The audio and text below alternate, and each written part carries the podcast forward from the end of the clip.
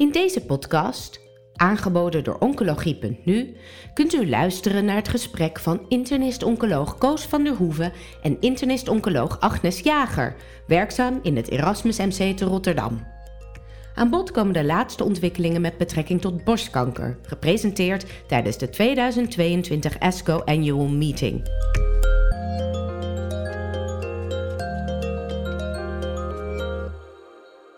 ASCO 2022 mammacarcinoom. Eigenlijk opzienbarende resultaten en een kletterend applaus dit keer in Chicago. Ik ga erover spreken met Agnes Jager. Agnes Jager is internist-oncoloog in het Erasmus MC. Haar aandachtsgebied is het mammacarcinoom. Ze is voorzitter van de Boog onderzoeksgroep en ze heeft ook de ASCO gevolgd en met name naar het mammacarcinoom gekeken. Uh, Agnes, welkom. Uh, antibody-drug-conjugaten, dat was eigenlijk wel een beetje het toverwoord in deze uh, ASCO. Zullen we beginnen bij de Destiny Breast 03 over trastuzumab deruxtecan. Dat was een uh, update over de safety data van de toepassing van deruxtecan, trastuzumab deruxtecan bij het HER2-positieve mammacarcinoom. Wat kan je daarover vertellen? Ja, dat is de studie die vergeleken is met TDM1 en de andere ADC die bij ons bekend is. Uh, en daarvan wisten we altijd dat uh, een duidelijke meerwaarde echt is een, echt een doorbraakstudie wat mij betreft met een heel mooi verschil in uh, progressievrije overleving. dat het uitdrukt in één jaar progressievrije overleving van 76% naar, van, van 34% naar 76 procent. Dus dat is prachtig. En wat hier getoond werd, is de verdere toxiciteitdata. Ja. Uh, want wat duidelijk is dat het wel een heel effectief middel is, maar er zijn uh, wel degelijk bijwerkingen. Eén um, belangrijke is de meest gevreesde, dat is die longtoxiciteit, waarbij de initieel bij de studies hier voorgaand ook daadwerkelijk toxische doden vielen. En het goede nieuws is bij deze uh, Destiny 03-studie dat dat gelukkig niet het geval was. Uiteindelijk is er wel, geloof ik, één patiënt overleden, maar in totaal minder dan 1%. Dat is omdat ze nu meer scans maken en er alert op zijn en ook beter weten wat ze moeten doen. Dus die toxiciteit is er, maar is goed te behandelen. Uh, maar wat opvalt is dat er toch wel wat toxiciteit is aangaande uh, B-merg, maar ook wel degelijk misselijkheid en braken. Dat heeft natuurlijk te maken met het feit dat die chemotherapie toch weer een klein beetje uit de tumorcel weglekt. En dat is fijn voor de omliggende tumorcellen, maar geeft natuurlijk ook wel weer wat systemische bijwerkingen. Ja. Dus heel effectief, maar wel met ook wel serieuze bijwerkingen die we moeten behandelen. Je noemt die interstitiële longontsteking. Daar was vroeger heel veel zorg op. Het wordt wel meer gerapporteerd, maar er wordt ook meer naar gekeken. Hè? Want er zitten ook een heleboel asymptomatische uh, interstitiële pneumonitis bij.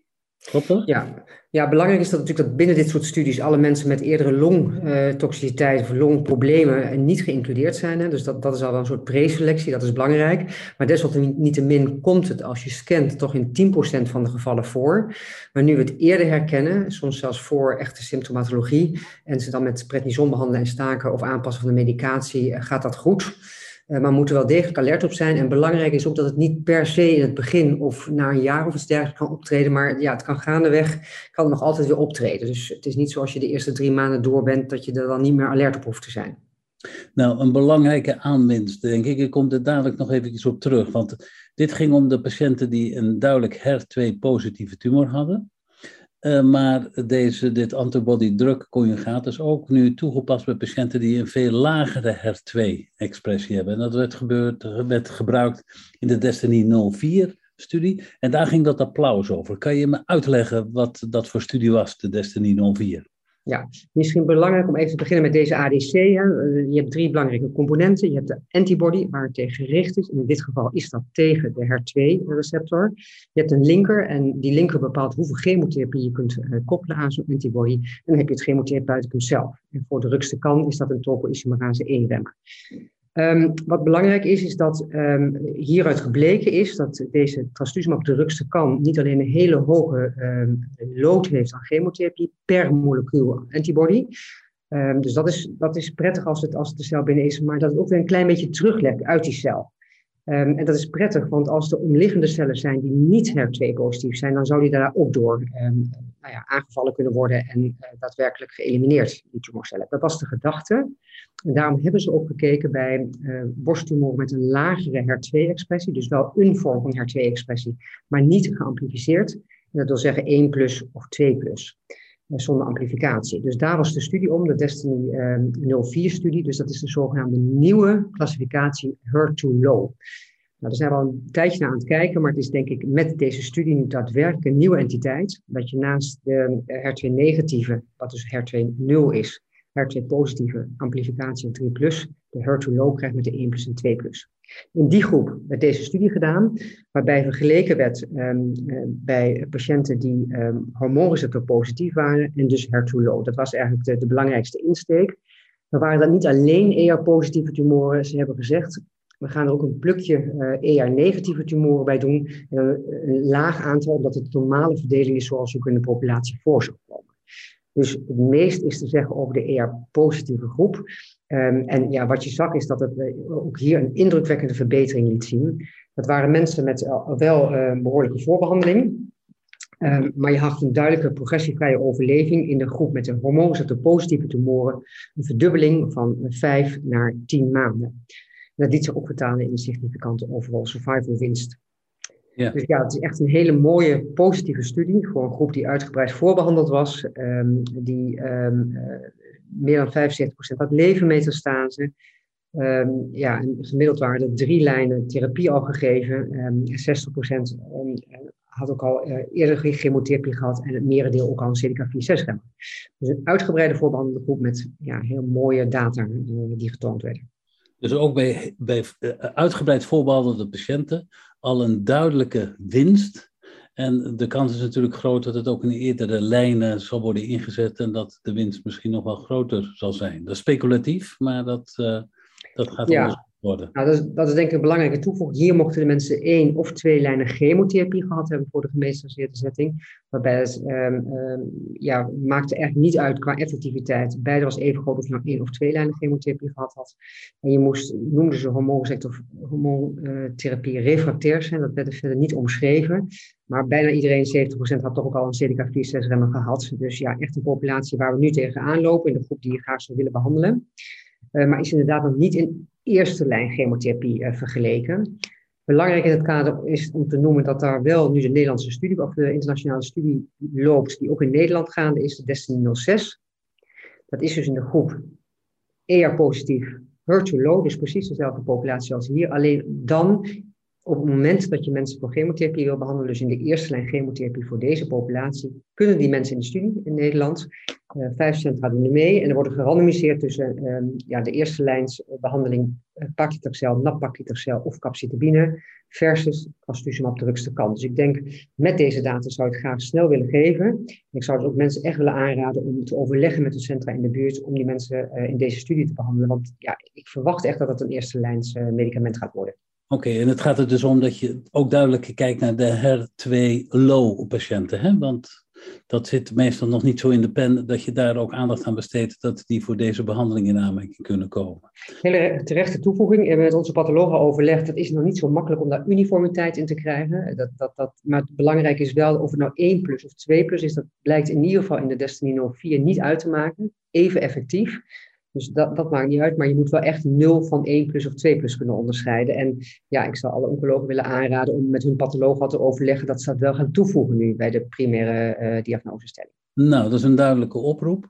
Uh, ja, uh, positief nieuws voor, uh, voor vooral patiënten en ook natuurlijk voor hun artsen. Kan je nog iets zeggen over hoe je op dit moment van trastuzumab deruxtecan in Nederland gebruik zou kunnen maken, behalve dan de studies die je genoemd hebt? Ja, uh, twee dingen denk ik. Er is ook nog een uh, adjuvante-studie. Daarin wordt bij mensen met een overexpressie, HER2-positiviteit met een residuale ziekte naar neoadjuvante chemotherapie, wordt gerandomiseerd tussen TDM1, wat standaard is, versus trastuzumab drugste kant. Ik denk ook een buitengewoon belangrijke studie. Uh, wat ook daar, ja, op papier zou je denken dat het ook daar veel effectiever zou kunnen zijn. Dus ook daar kunnen mensen voor gewezen worden. En je kunt het al voor een name patient programma gebruiken. Um, uh, trastuzumab drugste kan in een gemetastaseerde setting voor HER2-overexpressie. Um, en dan moeten mensen wel um, één lijn behandeling gehad hebben. en dat is volgens mij de enige voornaam en uiteraard geen longtoxiciteit hebben. Maar er loopt een name patient programma voor. Oké, dat is duidelijk. Nou, er was heel veel enthousiasme voor uh, deze ontwikkeling. Um, HER2 hebben we, maar we hebben ook HER3. En ook voor HER3 zijn er remmers beschikbaar. En daar was een, een voordracht over. Kan je daar iets over vertellen? Dat ging ja, dat is boeiend, ook 30 tot 40 Sorry? Dat ging over patritumab deruxtecan. Dus het chemotherapeuticum hetzelfde, maar een ander monoclonaal antilichaam eraan gekoppeld. Precies, precies. Dus hetzelfde. Uh, en in dit geval was het antibody gericht tegen HER3. Dat is interessant, want ook 30 tot 40 procent van de tumoren bij borstkanker hebben een HER3-overexpressie. Dus ja, waarom dat niet ook targeten?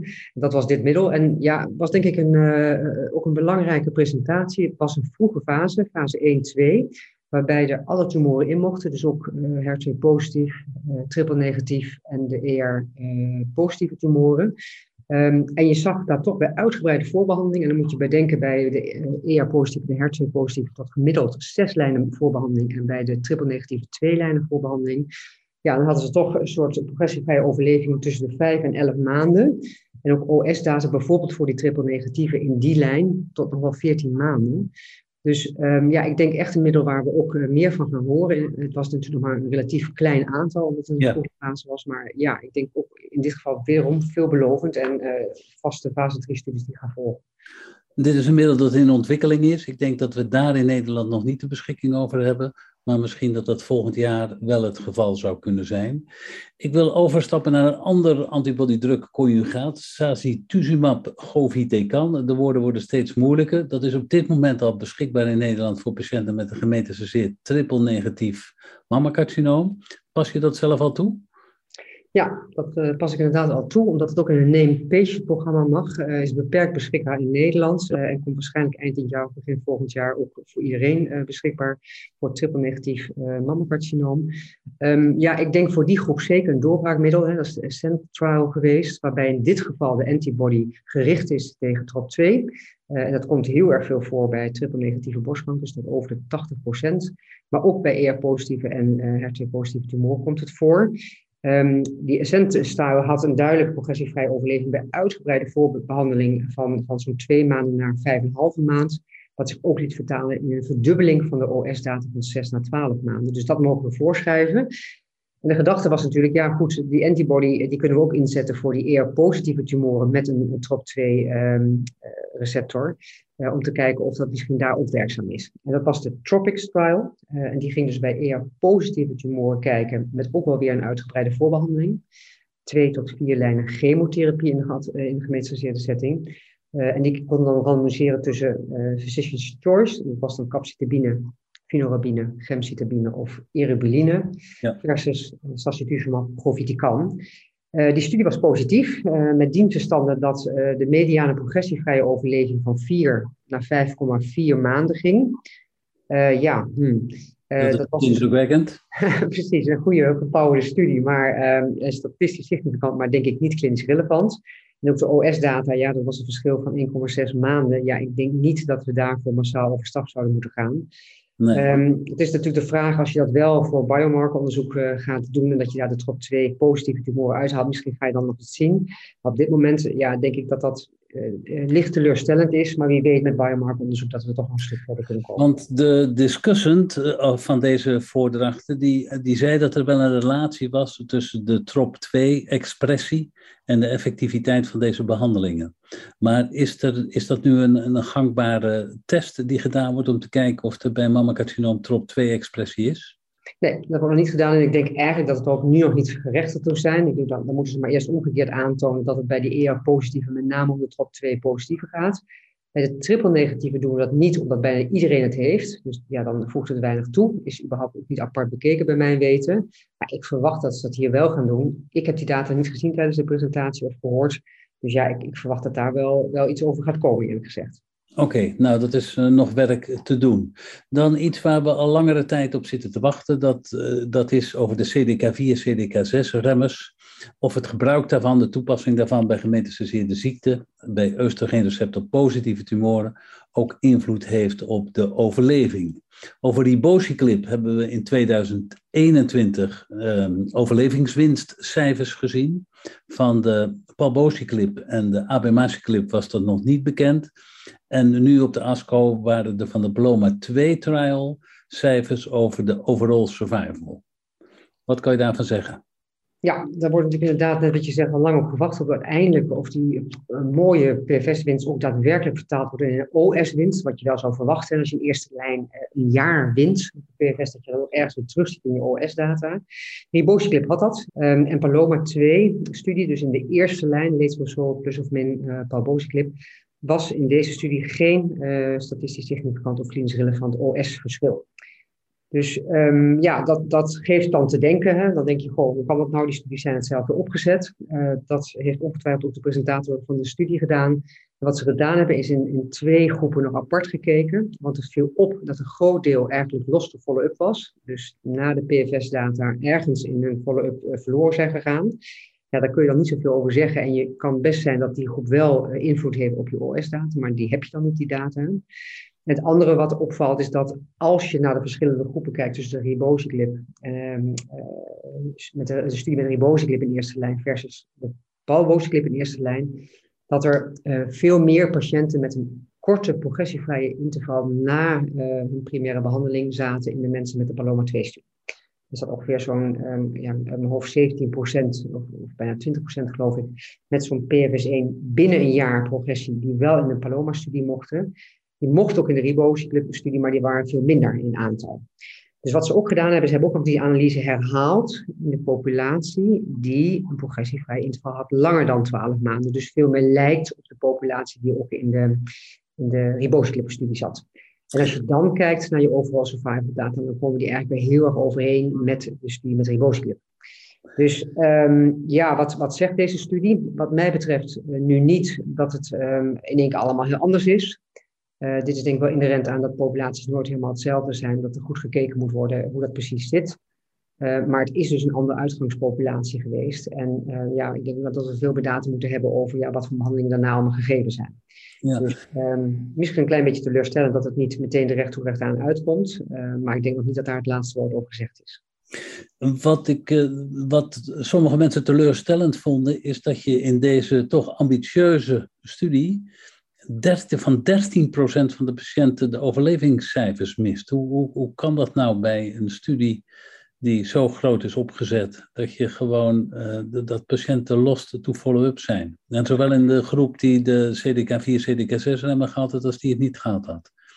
Ja, ik denk dat ze daar zelf wel echt met een uitleg moeten komen, eerlijk gezegd. Uh, heeft het te maken in dat, dat er uh, misschien landen hebben geparticipeerd die minder, minder ja, oog hebben voor het feit dat dat buitengewoon belangrijk is zijn er andere redenen aan te wijzen. Ik denk dat echt aan, aan, uh, aan de, de, de, de, studiegroepen is om te na te gaan hoe dat kan. Want het is een hoog percentage, zeker als het over sterfte gaat. En je kunt je dan voorstellen dat je ergens los te follow-up bent qua welke lijn behandeling je gehad hebt. Maar OS-data, ja, dat zou toch eigenlijk moeten lukken. Dus dat kwam niet uit de presentatie. Er was wel veel vraag naar om daar meer duidelijkheid over te krijgen, maar kregen we niet. Um, dus ja, daar moeten we het voorlopig mee doen. Wat ik wel echt opvallend vond, is dat um, eigenlijk is die populatie die ze dus uiteindelijk uithalen, die progressievrije overleving binnen 12 maanden. Um, en dan zie je wel dat verschil. Dat doet vermoeden dat juist die agressieve groep waarvan je gevoelsmatig denkt, ja, die moeten juist die CDK4-6 remmen hebben, dat juist die, als je die groep eruit haalt, dan wel dat verschil toont. Dus dat, ja, daar moet echt nog beter naar gekeken worden, want dat is eigenlijk heel erg contra-intuïtief zoals je denkt dat het middel ingezet zou moeten worden. Um, dus ik, ja, ook, ook daarin ben ik heel benieuwd naar de diepteanalyses daarvan. Ja, toch wel moeilijk. Ook als je in de spreekkamer zit en een patiënt zegt: God, er zijn drie middelen die doen ongeveer hetzelfde. Heeft dat nou verschil op de overleving? Wat, wat, wat moet je dan zeggen als je maandag of morgen weer spreekuur doet? Ja, ik, ik ben echt wel heel gevoelig voor die uh, subgroepanalyse, omdat dat veel vergelijkbaarder is uh, met de Ribosiclip uh, groep. Je kunt dan misschien iets zeggen voor die mensen die heel, heel kort progressievrij interval hebben. Um, het probleem is, die zat ook niet in de Ribosiclip groep. Hè? Dus als, je, als je mensen binnen 12 maanden na hun beëindiging van de behandeling, ja, als je die toch een CDK4-6-remmer wil geven, ja, dan heb je daar tot nog toe um, minder overtuigende data voor of daar een OS-winst te behalen is. Ja, de vraag is of je die juist wil onthouden. Uh, over nogmaals de, de heb je daar geen gegevens over. Nou, misschien dat het uh, nog wel belangrijker wordt om uiteindelijk een keer de, de resultaten te gaan zien van de Sonia trial. Waarbij eh, deze medicijnen dan in eerste of in tweede lijn worden toegepast. En misschien ja. denk je dat het dit, dit, jaar nog gaat komen, of wordt dat 2023 voordat de eerste cijfers daarover komen? We verwachten Q1 2023 hopelijk de resultaten kunnen doen. Maar ik ben helemaal met je eens, dat zullen dit soort vragen absoluut natuurlijk meegenomen worden en hopelijk nog wat meer duidelijkheid kunnen geven in, de, in dit geval. Nou, ik denk dat dit zo'n klein beetje de hoogtepunten waren van de, de presentaties over het mammacarcinoom. Maar misschien dat jij nog iets toe wil voegen? Um, oh, altijd. Ik heb eigenlijk twee dingen die ik belangrijk vond. Ze hebben in de Keynote 544-studie, dat is de studie met neoadjuvanten uh, toevoegen van pembrolizumab aan de triple-negatieve borstkankerpatiënten, hebben ze niet alleen gekeken naar als mensen een pathologische complete remissie hadden of een niet-pathologische complete remissie, maar hebben ze gekeken naar de RCB-score. En dat was interessant, want die RCB kun je onderverdelen. Hè. De RCB 0 is een pathologische complete remissie en de RCB 1, 2, 3 is hoe hoger, hoe meer residuale ziekte. Wat je uiteraard ziet is dat mensen het steeds slechter doen. Maar wat je ook ziet is dat die RCB1-groep eigenlijk zich veel meer verhoudt als de RCB0. Dus ook daar lijkt er eigenlijk niet zo heel veel toegevoegde waarde van de pembrolizumab. En als je dan um, twee hebt, uh, dus je hebt echt behoorlijk veel residuale ziekte, um, ja, dan heb je eigenlijk de meeste winst. Uh, dus ook daar ging weer de vraag op van, goh, moeten we dan niet, uh, moeten we die mensen met de RCB 0 en 1 eigenlijk wel pembrolizumab nabehandeling geven? Dus ik denk dat dat mooie data zijn om, om daar ons in te verdiepen, wat we ook in Nederland als standpunt gaan innemen. Of we dat wel of niet doen, of dat we eerst nog vinden dat het in een studie uitgezocht moet worden. Dat was één belangrijke studie. en een andere belangrijke studie is, waar ik heilig geloof in heb in de um, adjuvante setting, is residuale ziekte meten met um, liquid biopsies met een mooie studie getoond. Um, die heet, had de naam EBLIS. Die heeft uh, serieel uh, bloed onderzocht op het aantonen van circulaire tumor-DNA. En wat ze daarmee aantonen is als die mensen dat ontwikkelen, dat ze het veel slechter doen. Dat weten we eigenlijk al. Maar dat ze ook eigenlijk een mooi interval konden zien bij detecteren van die uh, circulaire tumor-DNA. Voordat de ziekte uiteindelijk um, zich openbaarde. Met een window tot drie jaar. En ik denk dat dat echt hele belangrijke ontwikkelingen gaan worden. Hoe we de patiënten ER-positief, met name denk ik in de toekomst, maar misschien ook wel triple-negatief en HER2-positief, gaan behandelen uh, in de adjuvante setting. Want volgens mij moet het veel meer tailored op basis van de uitslag van ctDNA-analyses. Nou, dus het, Erasmus MC, het Erasmus MC heeft een, een, belangrijke historie en ook naam op het gebied van circulaire tumor-DNA. Is dat al iets wat jij in de praktijk gebruikt of dat je dat opslaat van je patiënten? Klopt, ja, dat doen we al wel. Wij doen het nog met triple negatieve met name. Uh, maar ik denk echt dat we naar landelijke studies toe moeten. Ik heb het ook geprobeerd om dan bij die mensen die het krijgen toevoeging van medicatie te hebben, zoals nu de abemaciclip dat doet. Maar dan is dat nog onge ongecensureerd en dat doet iedereen. Doen we dat, dat, doen we dat uh, gaan we dat doen in de toekomst. Ik probeer dat soort studies te doen. Uh, maar het mooiste is als je dan de ctDNA hebt, dat je wel een middel kunt toevoegen. En daar hebben we dan weer de farm voor nodig. Dus ehm, vooralsnog is dat nog niet gelukt, maar is volgens mij wel de weg voorwaarts. Nou, je bent voorzitter van de Boog uh, studiegroep, dus misschien dat je daar wel een ingang kan vinden om dat toch nog een keer in gang te zetten. Voor dit moment wil ik je hartelijk danken en uh, graag tot de volgende keer. Dankjewel. Bent u geïnteresseerd in meer podcasts? Deze zijn te vinden op de website www.oncologie.nu. Heeft u zelf een onderwerp of onderzoek dat besproken kan worden in een podcast? Mail het naar info.uitgeverij-jaap.nl